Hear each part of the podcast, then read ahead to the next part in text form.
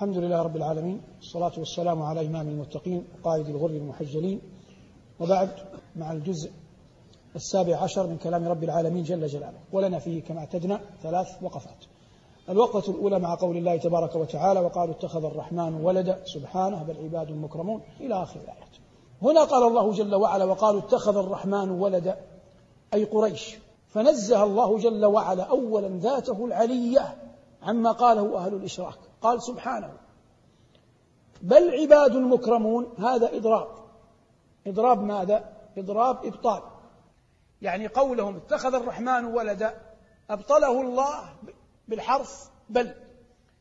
وبل تأتي إضراب انتقال وتأتي إضراب إبطال. تأتي إضراب انتقال وإضراب إبطال. فما كان قبلها يريد القرآن نفيه يصبح إضراب إبطال. وما كان بعدها أو قبلها يريد القرآن الانتقال بحديث إلى آخر يسمى إضراب انتقال. هنا إضراب إبطال. أراد الله أن ينفي قولهم اتخذ الرحمن ولدا وأنه قول باطل ودعوى مكذوبة.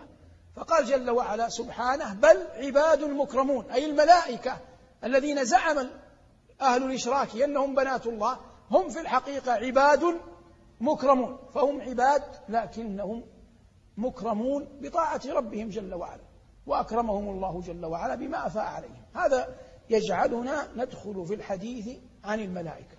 خلق من نور لا يعصون الله ما أمرهم جبلوا على أشياء سنذكر بعضا منها. أولها خشيتهم من الله. وهذا ذكره الله في الصورة قال وهم من خشيته مشفقون. وفي الحديث مررت ليلة أعرج بي وجبريل كالحلس البالي من خشية الله. الحلس البالي الفراش الممتد الذي بلي من كثرة ما جلس عليه حتى كاد أهله أن يلقوه. وفي الخبر آخر حديث الناس بن سمعان إن الله إذا أراد أن يتكلم بالوحي أخذت السماوات منه رجفة فيكون أول من يرفع رأسه جبريل. فإذا رفع رأسه أوحى الله جل وعلا إليه بما شاء. ثم يمضي جبرائيل على كل سماء. كلما مر على سماء سأله ملائكتها ماذا قال ربنا يا جبريل؟ فيقول قال الحق وهو العلي الكبير. هذان شاهدان من السنة على خشيتهم من ربهم. الثاني أنهم صافون عند ربهم لا يتجاوز أحد منهم المقام الذي أقامه الله إياه وهذا منتهى الأدب. وما منا إلا له مقام معلوم. وفي الخبر عنه صلى الله عليه وسلم أطت السماء وحق لها أن تئط والله ما من موضع أربعة أصابع إلا وملك واضع جبهته ساجدا لله تعالى. من خصائصهم أن الله جل وعلا أوكل إليهم كما قالوا لكل أحد منهم مقام معلوم. فمنهم حملة العرش. وحملة العرش من أرفع الملائكة قدرا. والعرش له ملائكة تحمله وله ملائكة تطوف به. وقد جمع الله بين الطائفتين الفريقين في آية واحدة. قال الله في غافر الذين يحملون العرش هؤلاء من؟ الحملة. ومن حوله؟ أي والذين حول العرش. ماذا يصنعون؟ قال يسبحون بحمد ربهم. ماذا قال بعدها؟ ويؤمنون به. ما قال يؤمنون ويسبحون؟ قدم التسبيح على على الإيمان. السؤال لما قدم التسبيح على الإيمان؟ قدم التسبيح هنا على الإيمان حتى ينتفي. في الأذهان ظان ظان أن الله فقير إلى حملة العرش أو أن الله فقير إلى أحد ممن هو حول ممن هو حول العرش.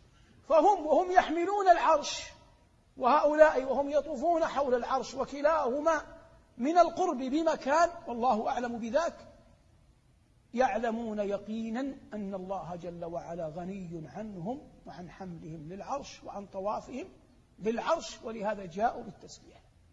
يسبحون بحمد ربهم ويؤمنون به ويستغفرون للذين آمنوا. وقال في الزمر حتى تؤيدها قال وترى الملائكة حافين من حول العرش يسبحون يسبحون بحمد ربهم. هؤلاء طائفة. طائفة أخرى أوكل الله جل وعلا إليهم الطواف بالبيت المعمور وطائفة أخرى أوكل الله جل وعلا إليهم أن يعمروا السماء بالطاعة. وطائفة أخرى في الأرض سيارون يبحثون يتحسسون عن حلق الذكر.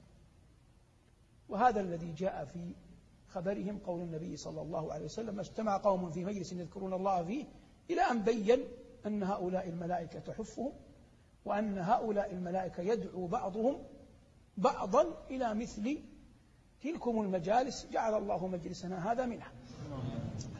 ومنهم من أوكل الله جل وعلا إليه مهام فردية ولهذا قال العلماء رؤساؤهم أربعة جبريل وأوكل الله إليه حياة القلوب فهو ينزل بالوحي. وميكال أوكل الله إليه حياة الأبدان فهو ينزل بالقطر وملك الموت أوكل الله جل وعلا إليه قبض الأرواح فهو يقبضها. وإسرافيل أوكل الله جل وعلا إليه النفخ في الصور. وآخرون غيرهم يقول المؤمن عنهم كما علمه ربه وما يعلم جنود ربك إلا إلا هو وما هي إلا ذكرى للبشر. قال الله هنا وهم من خشيته مشفقون. ثم قال ومن يقل منهم؟ إني إله من دونه فذلك نجزيه جهنم كذلك نجزي الظالمين. قطعا لا يمكن لملك أن يقول أني إله من دون الله لأن الله يقول لا يعصون الله ما أمرهم. لكن هذا حتى يفقه كل أحد أن الشرك هو الذنب الأعظم والفرية الكبرى التي لا يقبل الله جل وعلا معها عمل عامل. لا يقبل الله جل وعلا معها عمل عامل فكيف بمن يدعي أنه أنه إله؟ ثم قال الله تبارك وتعالى وهذا حي يعني انتقال آخر في الصورة قال أولم يرى الذين كفروا أن السماوات والأرض كانتا رتقا ففتقناهما وجعلنا من الماء كل شيء حي؟ نأخذ صدر الآية يوجد رتق ويوجد فتق. فالرتق هو الالتصاق خلقة أو صنعة. الرتق هو الالتصاق خلقة أو أو صنعة. والفتق فك الرتق. والفتق فك فك الرتق. الله يقول هنا جل جلاله أولم يرى الذين كفروا أن السماوات والأرض كانتا رتقا؟ ففتقناهما. في للعلماء فيها أقوال ثلاثة. قول ظاهر الضعف وهو قول من قال من العلماء رحمهم الله إن معنى الآية أن السماوات تفتقت كانت واحدة فأصبحت سبعة وأن الأرض تفتقت كانت واحدة فصارت سبعة. هذا قول. وآخرون قالوا إن المعنى أن السماوات والأرض كانتا ملتصقة ففتقناهما أي فصلنا أحدهما عن الأخرى فأصبح ما بينهما مما هو مشاهد عيانا وهو ما يعرف في زماننا بنظرية الانفجار الكوني. وآخرون قالوا أن معنى الآية فتقنا الأرض بالإنبات وفتقنا السماء بإنزال المطر. والذي يترجح عندي والعلم عند الله هذه الأخيرة لأن من قواعد التفسير أن الآية إذا احتملت قرينة تؤيد أحد المعاني غلب لا نقول وجب غلب المصير إليها. والقول بأن الفتق معناه أذنا للسماء أن تمطر وأذنا للأرض أن تنبت قرينته قول الله وجعلنا من الماء كل شيء حي. فسردها بعدها في غالب الظن ولا نجزم.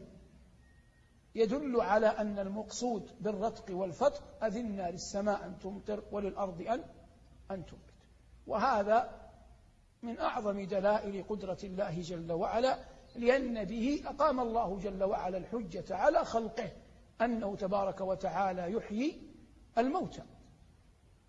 كذلك يحيي الله الموتى. من الدلائل والقرائن على أن الله جل وعلا يحيي الموتى. قال ربنا وجعلنا من الماء كل شيء حي. هذه مرت معنا لكن نأتي بشيء يعني مجمل مع ما بقي من الوقت. السماء عندما تمطر كل عام المطر الذي ينزل هو نفس حجم المطر الذي ينزل في العام الذي يليه قال الصادق المصدوق صلى الله عليه وسلم ما عام بأمطر من من عام لكن الله جل وعلا يصرفه.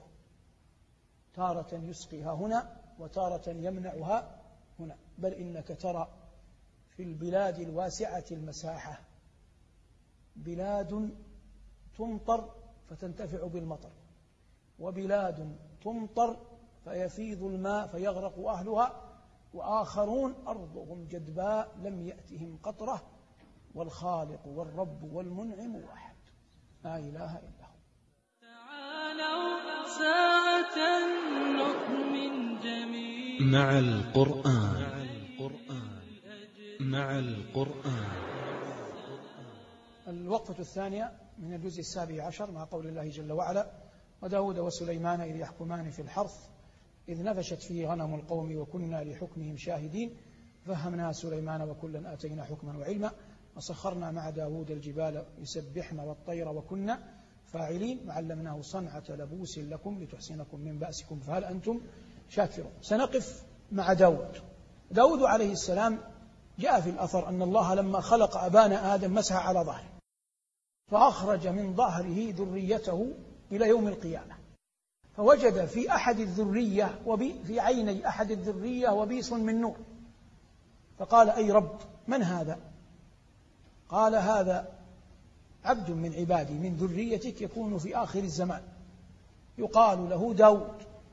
قال ربي كم جعلت عمره؟ قال ستين عاما. فقال ربي خذ من عمري أربعين عاما واجعله مئة. ولهذا لما جاء في الأثر أن آدم لما جيء يقبض روحه قال صلى الله عليه وسلم فنسي آدم فنسيت ذريته وجحد آدم فجحدت فجحدت ذريته. الذي يعنينا هذا النبي الكريم أثنى الله جل وعلا عليه بأمور وهذا هو الغاية من إنزال القرآن. فالله لما يقول أولئك الذين هدى الله هدى الله فهو هداه مقتده أولئك الذين هدى الله فبهداه مقتده. إن لم تعرف هديهم لا يمكن أن تصل إليه. فنحن كما نقول مرارا وإن عرجنا على قضايا أدبية أو فقهية لكن العبرة كل العبرة بالاتعاظ والاقتداء بأنبياء الله. هذا النبي آتاه الله تبارك وتعالى حظا عظيما من العبادة صلاة وصياما. فكان ينام نصف الليل ويقوم ثلثه وينام سدسه. كما أنه عليه السلام كان يصوم يوما ويفطر يوما. في كسبه عليه السلام كان يأكل من من عمل يده. والعلماء لما تكلموا عن قضية الكسب والرزق أفضله قالوا إن أفضل أسباب الرزق الجهاد ما يكون من غنائم الجهاد. لما قالوا هذا؟ لأن النبي صلى الله عليه وسلم كان هذا جل رزقه. بعدها قالوا أكل الرجل من كسب يده واحتجوا بحديث النبي صلى الله عليه وسلم في مدح داود بهذا الشأن. والثالث قالوا أنه التجارة لأنه كان شأن أكبر كبار المهاجرين. والرابع الزراعة لأنه كان دأب الأنصار في في المدينة وقالوا أشياء أخرى لكن هذه الأربعة هن الأمهات. قال الله هنا وعلمناه صنعة لبوس لكم. ألان الله جل وعلا لداود الحديد؟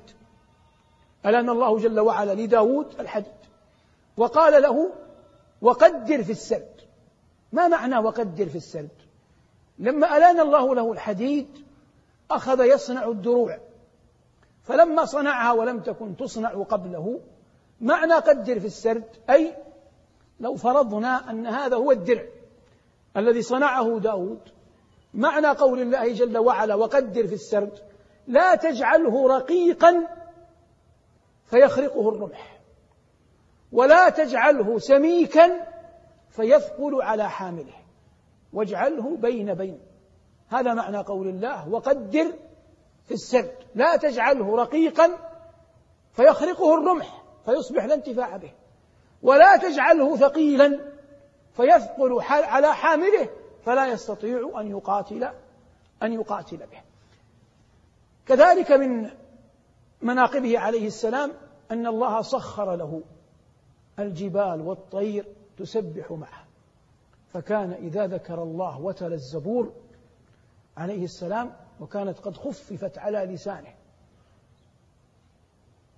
الطير معه تذكر الله والجبال وهي عجماوات صماء صخور ملساء تذكر الله جل وعلا بذكره.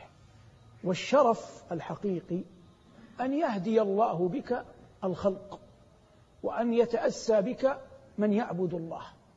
فهذا النبي الكريم عليه السلام داود آتاه الله جل وعلا صوتا حسنا ولهذا جاء في الحديث قول النبي صلى الله عليه وسلم لأبي موسى الأشعري لقد أوتيت مزمارا من مزامير آل داود. المقصود داود. لكن لماذا قال آل؟ هذا أسلوب عربي. إذا أرادوا أن يعظموا أحدا قدموا عليها الآل وهم يقصدونه عينا. ومنه قول الله تبارك وتعالى وقال لهم نبيهم إن آية ملكه أن يأتيكم التابوت في سكينة في سكينة من ربكم وبقية مما ترك آل موسى وآل هارون. ليس المقصود آل هارون ولا آل موسى. المقصود موسى وهارون. لأن هما النبيان. وإنما قدمت الآل للتعظيم. فمثلها قول النبي صلى الله عليه وسلم لقد أوتيت مزمارا من مزامير آل داود. أي مزمارا كصوتا حسنا مثل صوت داود. فكان يذكر الله. الله يقول إنا سخرنا الجبال معه يسبحن بالعشي والإشراق والطير محشورة. كل له أواب. تمر من بلد إلى بلد فإذا رأته يذكر الله وقفت. صافة بأجنحتها تذكر الله معه حتى ورد إن منها من يموت وهو واقف يذكر الله جل وعلا مع من؟ مع داود. ولما أنزل الله جل وعلا عليه قوله اعملوا آل داود شكرا قال العلماء لم يخلو بيت آل داود ساعة من نهار من أحد يعبد الله. فإذا عجز أحدهم أو قصر قام الآخر مقامه. فلا يخلو البيت من صائم أو أو قائم أو أحد يذكر يذكر الله. قال ربنا بعدها وإن كان هذا ليس في الجزء السابع عشر لكن نحن نتكلم عن داود واللقاءات كلها اسمها مع القرآن قال جل وعلا وقليل من عبادي الشكور. فما عظم داود إلا لأن هذا الأمر قليل في الناس. وإلا لو كان هذا كل أحد يصنعه لما كان هناك فضل لداود. قال الله جل وعلا وعلمناه صنعة لبوس لكم لتحصنكم من بأسكم فهل أنتم شاكرون؟ وبينا أن هذا أن الله جل وعلا ألان له ألان له الحديد ولم تلن لأحد قبله يقولون في أخبار التاريخ أن داود لما ألان له الله الحديد أخذ يصنع الدروع ولم يكن للناس عهد بالدروع من قبل. فجاءه لقمان فوقف على رأسه. فلما وقف على رأسه أدركته الحكمة فلم يسأل. فما زال داود يصنع حتى أتمها. فلما أتمها لبسها. وقال نعم لبوس نعم لبوس الحرب أنت. فعرف لقمان وأنها دروع يتقى بها الرماح والسيوف. فتعجب داود من صمت لقمان. وقال الصمت حكمة وقليل فاعله. فالشيء الذي يغلب على الظن أنه سيأتيك خبره فلا حاجة لأن تسأل عنه والشيء الذي تكفيك فيه الكلمة لا حاجة لأن ترفع الصوت. والشيء الذي يكفيك فيه صوتك لا حاجة فيه لأن ترفع السيف. والعاقل يضع الأمور في مواضيعها الصحيحة. وداود عليه السلام ونحن نتحدث عنه. ذكرنا مسألة قيامه لليل وأنه ينام نصفه ويقوم ثلثه وينام سدسه بالنسبة لأهل زماننا أنا أوصيك وصية عامة. وصية طبعا الناس يختلفون لكن أتكلم عن الحالة الوسطى. النبي عليه الصلاة والسلام قال إن بلالا يؤذن بليل ليوقظ نائمكم ويرجع قائمكم. فكلوا واشربوا حتى يؤذن ابن أم مكتوم. الآن يعمل في بعض مدن المملكة ولا أدري إن كان هذا عاما بما يعرف بالأذان الأول أي قبل الفجر بساعة وفق ما يعمل بالحرمين. المهم بالنسبة لأي مؤمن ما استطاع إلى ذلك سبيلا. إذا أذن المؤذن الأول حاول أن تكون أحد رجلين. إما أن تكون قد صليت تريد أن تنام. وإما أن تكون قد نمت وقمت لماذا؟ لتصلي. تكون أحد رجلين. الرسول صلى الله عليه وسلم يقول ليرجع قائمكم. فتكون أنت قد صليت. فبقي ساعة من الفجر كن نائما فيها. هذا معنى ليرجع قائمكم. وإما أن تكون قد نمت فالنبي عليه الصلاة والسلام يقول ليوقظ نائمكم فيقوم يصلي حتى يطلع الفجر. ونبينا عليه الصلاة والسلام جاءت صلاة الليل عنده فيما نقل إلينا من خبر عائشة وغيرها أنها كانت متفرقة. أو ترى أول الليل أو ترى نصفه أو ترى آخره. صلى ثمان سردا صلى ست سردا صلى مثنى مثنى وهي أكثر صلاته. يقرأها المؤمن كلها ثم يحاول في كل ليلة أن يأتي ببعضها والله الموفق. وهذه هي الوقفة الثانية وننتقل إن شاء الله في هذا الجزء المبارك إلى الوقفة الثالثة. تعالوا ساعة نؤمن جميعا. مع القرآن. مع القرآن. هذه الوقفة الثالثة من الجزء السابع عشر. قال ربنا هو أصدق القائلين والبدن جعلناها لكم من شعائر الله لكم فيها خير. فاذكروا اسم الله عليها صواف فإذا وجبت جنوب وكلوا منها وأطعموا القانع والمعتر إلى آخر الآيات. البدن جمع بدنة ولها مفهوم في اللغة ولها مفهوم في الشرع. فهي في اللغة يعنى بها الإبل خاصة وفي الشرع يراد بها الإبل والبقر لكن في هذه الآية المراد الإبل. إراقة الدم من أجل وجه الله من أعظم القربات. فصل لربك وانحر. قال ربنا هنا والبدن سميت بدنة لسن لكونها سمينة. جعلناها لكم من شعائر الله ففي تعظيمها وإراقة دمها قربانا لله من أعظم القربات إلى رب العالمين ومن أجل الشعائر. وسيأتي تفصيل هذا في خاتمة اللقاء. لكم فيها خير فاذكروا اسم الله عليها صواف أي إذا هممتم بذبحها فاذكروا اسم الله. صواف بمعنى صافة قائمة. والإبل تنحر معقولة يدها قدمها يدها اليسرى. على هذا إخبار واضح. فإذا وجبت بمعنى سقطت. ويقال للحكم الشرعي واجب لأنه ساقط عليك لا انفكاك لك عنه. فإذا وجبت جنوبها أي ماتت وسقطت.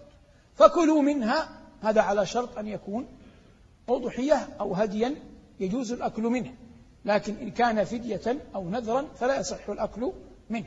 فكلوا منها والأمر للندب وأطعموا القانع والمعتر. القانع الفقير الذي لا يسألك والمعتر الفقير الذي يسألك. فمن يقنع يعطى وإن كان لا يسأل. والمعتر هو من يحتاج لكنه يتعرض للناس ويسألهم.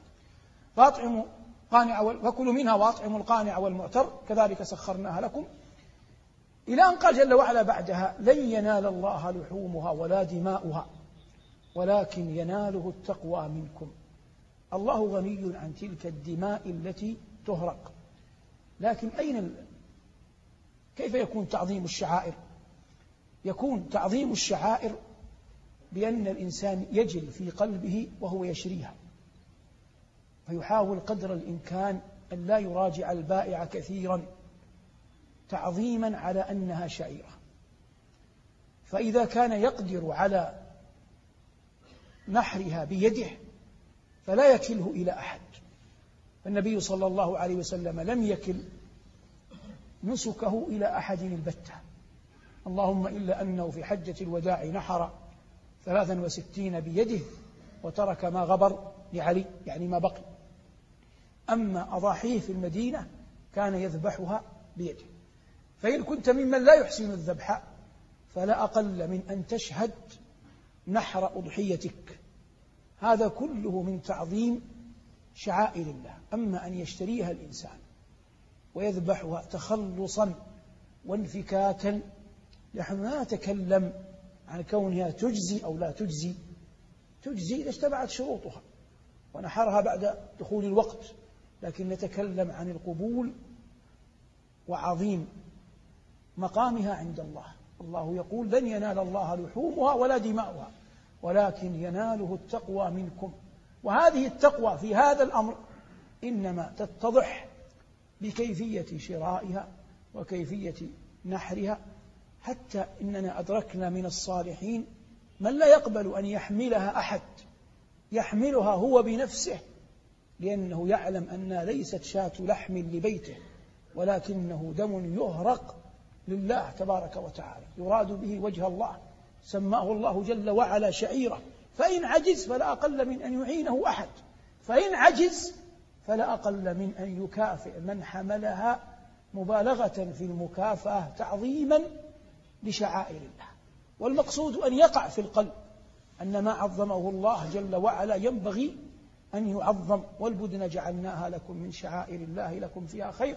وقلنا لن ينال الله لحومها ولا دماؤها ولكن يناله التقوى منكم. جئنا الآن لمسألة فقهية. إبل وبقر وغنم. أيها أفضل الجمهور على أخذ النفع منها. فقدموا الإبل وثم البقر ثم ثم الضعن وحجتهم ظاهر الأمر وهو الانتفاع وحديث النبي صلى الله عليه وسلم فكأنما قرب بدنه ثم التدرج في يوم الجمعة.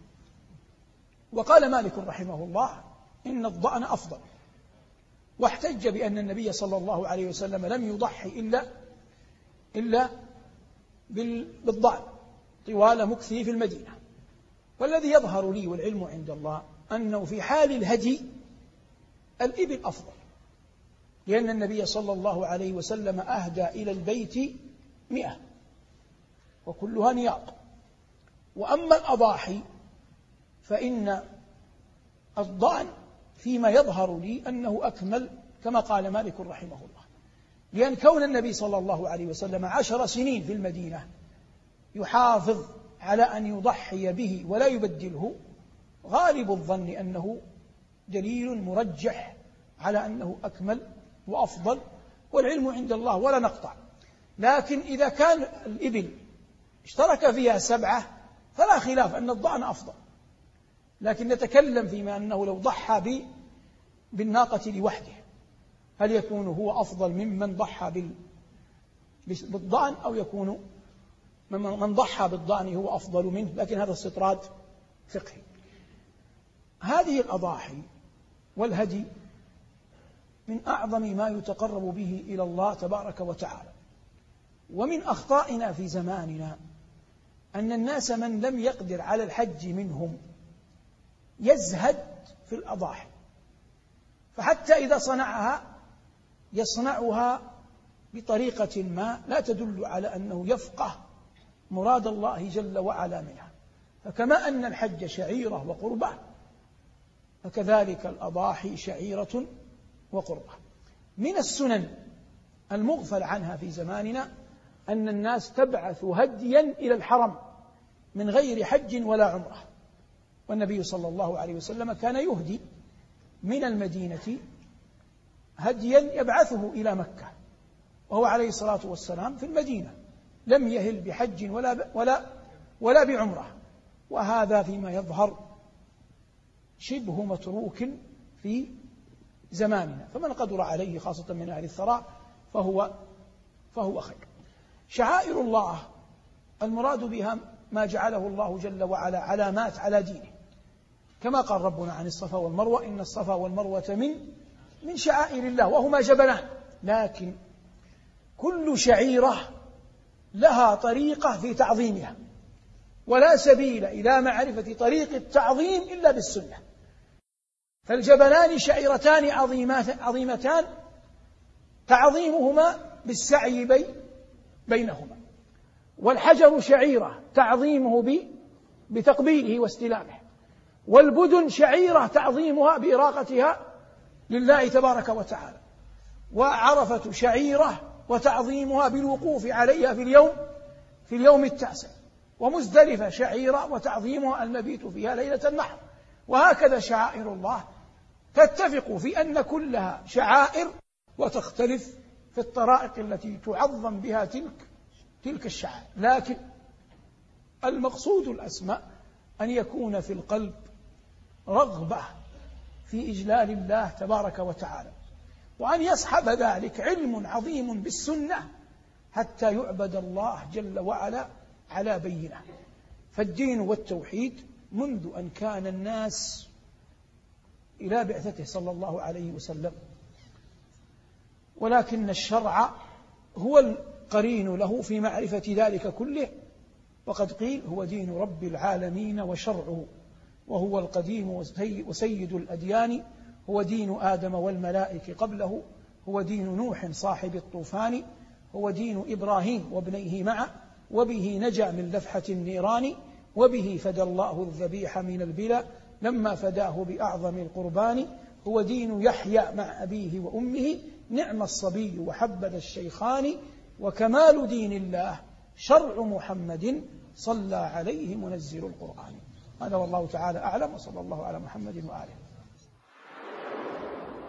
مع القرآن نحيا في سلام فخير الوقت في خير الكلام. بتفسير وأخبار حسان عن المختار نبراس الظلام. مع القرآن إحساس تسامت به الأرواح في